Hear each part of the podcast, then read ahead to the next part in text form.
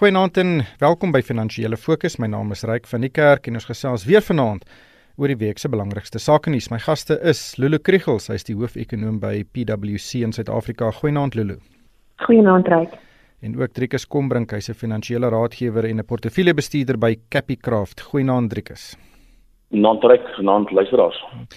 Lulu, ehm um, PwC het hierdie week 'n baie interessante verslag bekend gemaak.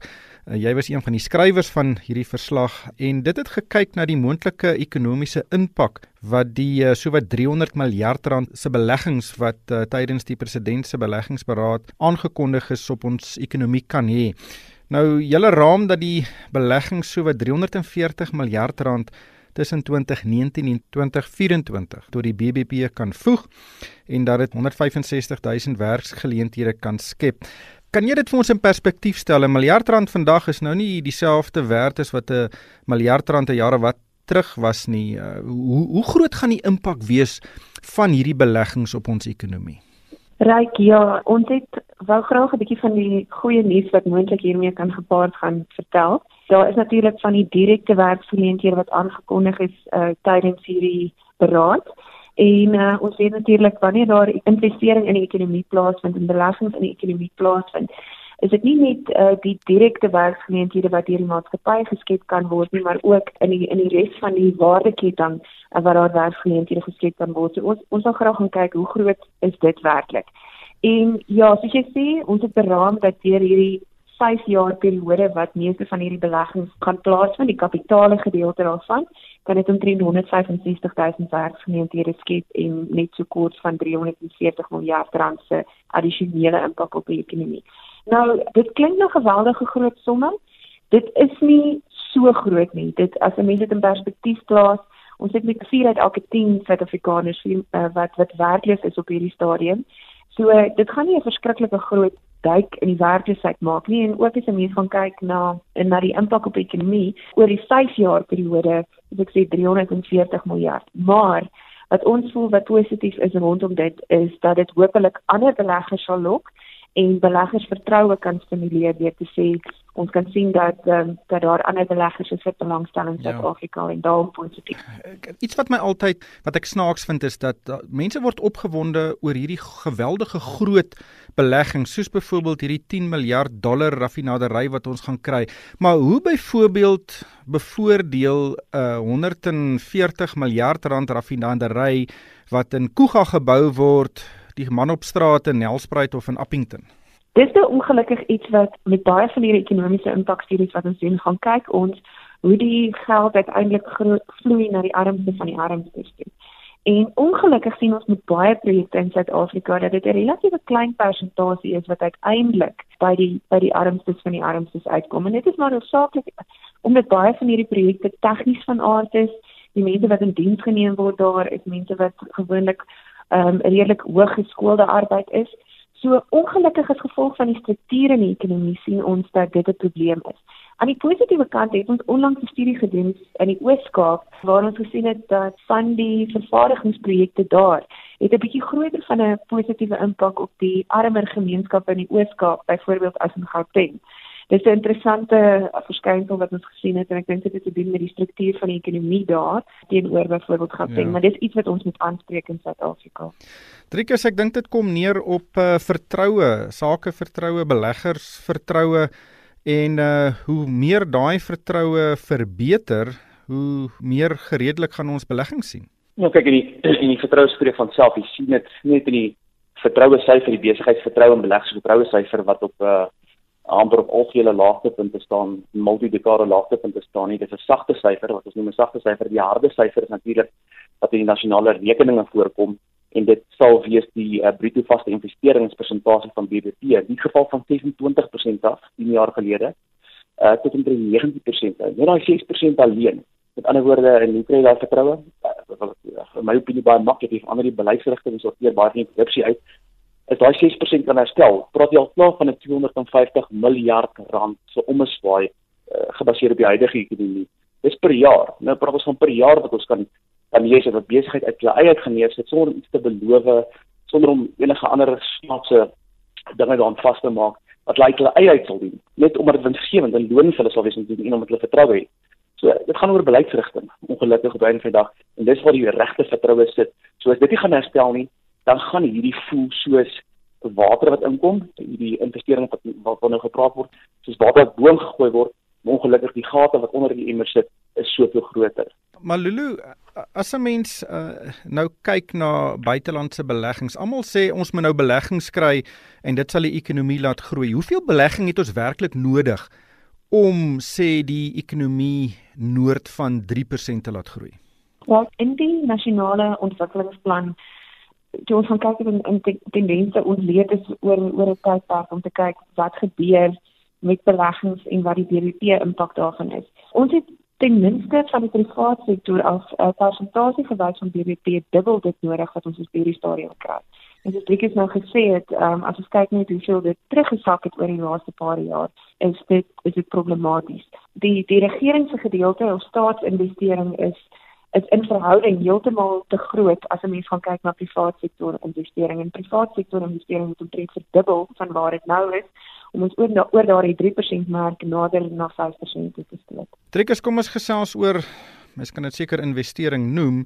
Oor Discovery wat hierdie week sy nuwe bank aangekondig het of besonderhede daaroor aangekondig het en dit volg op die hakke van die aankondiging van nog 'n bank Time Bank eh, 'n week of wat gelede dis Patrice Motsepe se se onderneming. En hierdie twee aankondigings ironies genoeg eh, is 'n week of wat uitmekaar het maar is die eerste nuwe banke wat hulle deure ooping sedert 1999 is uh, omtrent 20 jaar gelede. Wat dink jy beteken hierdie twee nuwe spelers vir die bankbedryf Ja, ek dink dit is fantastiese nuus geryk. Ehm um, ons het van die gekonsentreerde banksektors in die wêreld.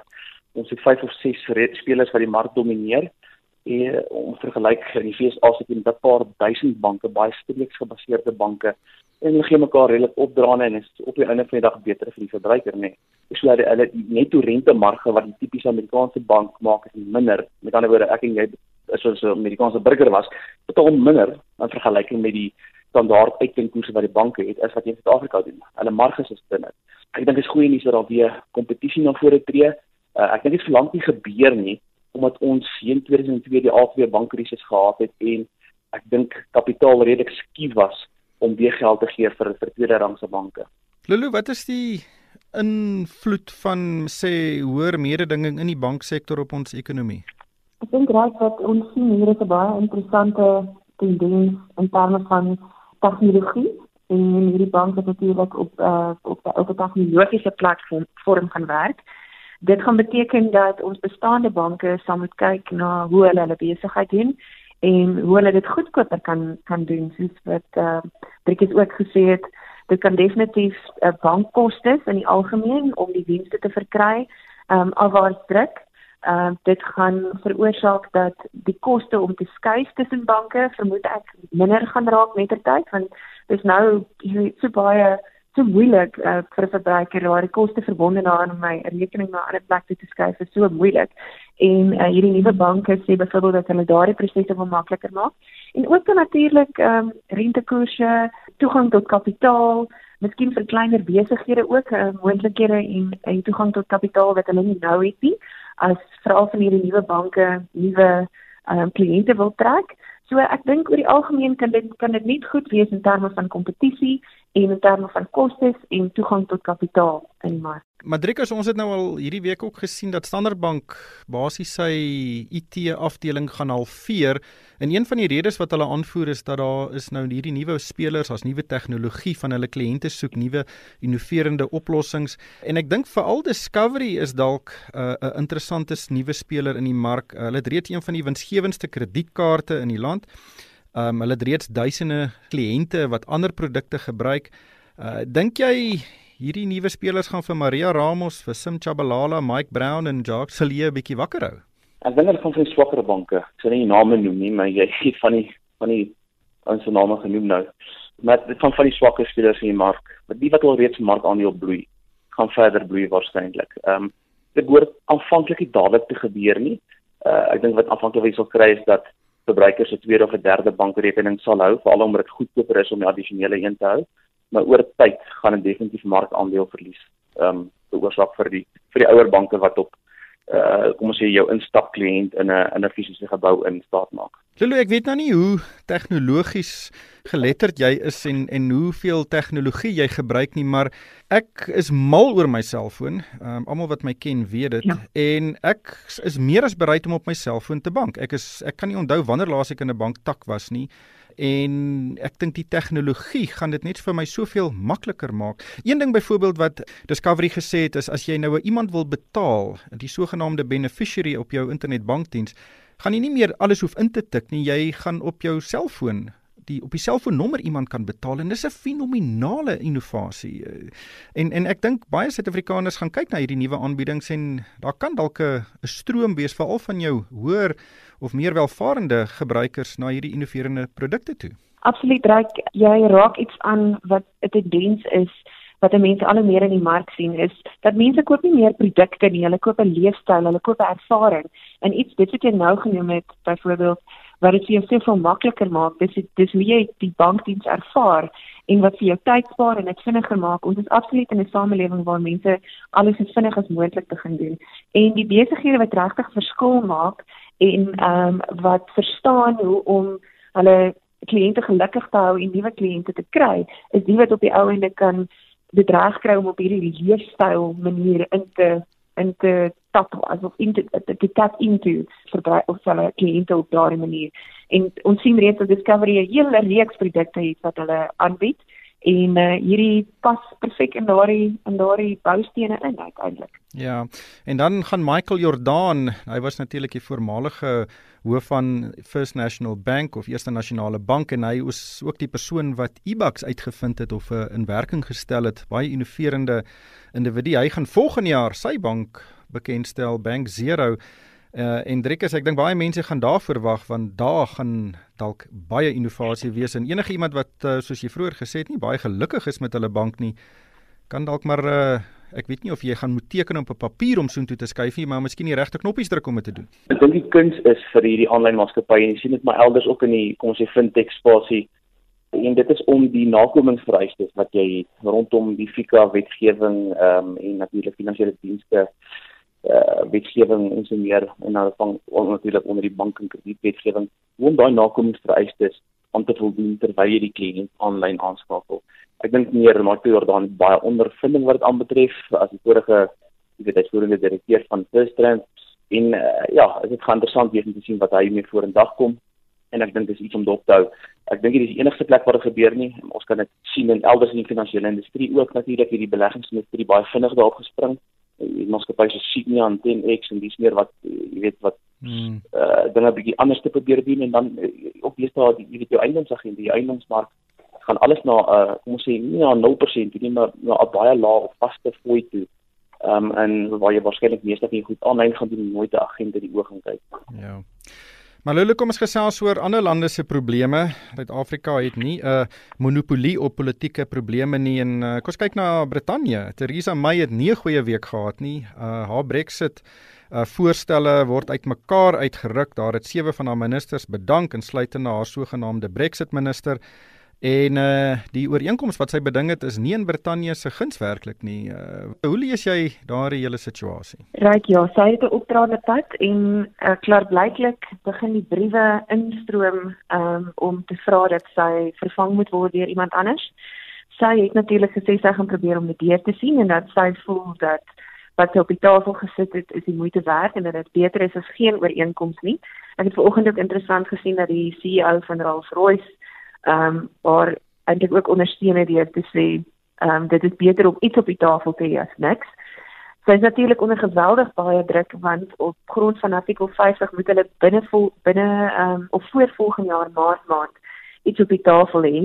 Uh, en anders gaan die, hele proses net aanhou om aan te rol en um, uiteindelik geen ooreenkoms bereik nie en um, Maar soos jy sê, dit het ernstige onderstrominge veroorsaak en van die ministers wat bedank het, het gesê dat hierdie ooreenkoms totaal en al aan die guns van die Europese Unie is en totaal en al teen uh, Brittanje. So moeilike tye vir haar. Ja, die ooreenkoms Driekus bepaal onder meer dat Brittanje is nou nie meer in die EU nie, maar uh, hulle moet nog steeds die EU se besluite aanvaar oor handel. Hulle het geen sê daarin nie. Ehm um, Brittanje moet ook steeds geld betaal aan die EU uh, om hulle begroting te finansier hoewel hulle nie meer 'n lid is nie en hulle kan ook nie in die nabye toekoms enige handelsooreenkomste teken nie. Ek weet nie of sy in 'n doodloopstraat is nie. Hoe hoe lees jy dit? Ja nee, daar daar's baie meer wat hulle prys gee op die kort termyn. Ehm um, as die voordele wat hulle kry. Een van die een van die belangrikste redes hoekom hulle uit die EU wil gaan is eerstens om uit die birokrasie te kom wat daarmee saamgaan en tweedens is dit die EU uh, baie moeilik is om hier handel te doen met die res van die wêreld. Dit is 'n groot birokrasie, hulle baie sagte tariewe of subsidies natuurlik. Val uh, byvoorbeeld uh, onder landbouprodukte, baie moeilik om landbouprodukte na die EU toe uit te voer. Uh, en en baie sagte tariewe. Hulle maak dit bureaukratiese romsom so moeilik om dan uit te voer.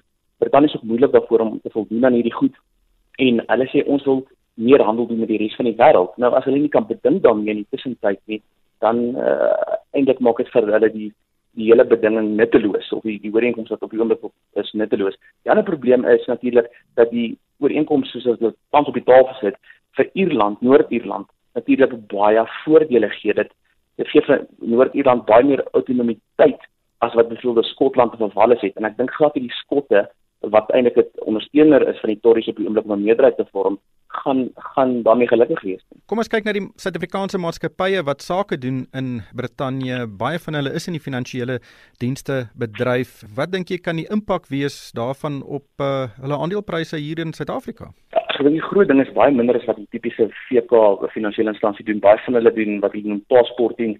Dit is 'n ooreenkoms tussen die EU en die VK waar die VK banke en finansiële instellings outomaties hulle lisensie regte het in hierdie van Europa. Hulle mag dit dalk verloor en met ander woorde daai kruis Engelse see, Engelse kanaal finansiële dienste handel kan 'n redelike skok vang.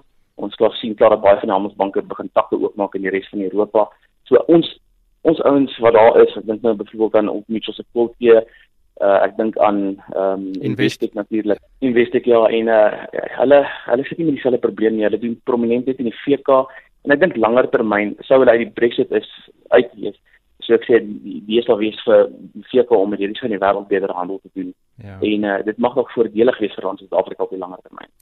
Wel ongelukkig hierdie tyd ons ingehaal. Baie dankie aan Lulu Kriel. Sy is die hoofekonoom by PwC in Suid-Afrika en Driekus Kombrink. Hy's 'n finansiële raadgewer en portefeuljebestuurder by Cappy Craft. En van myself ryk van die kerk, dankie vir die saamluister en ek koop almal 'n winsgewende week.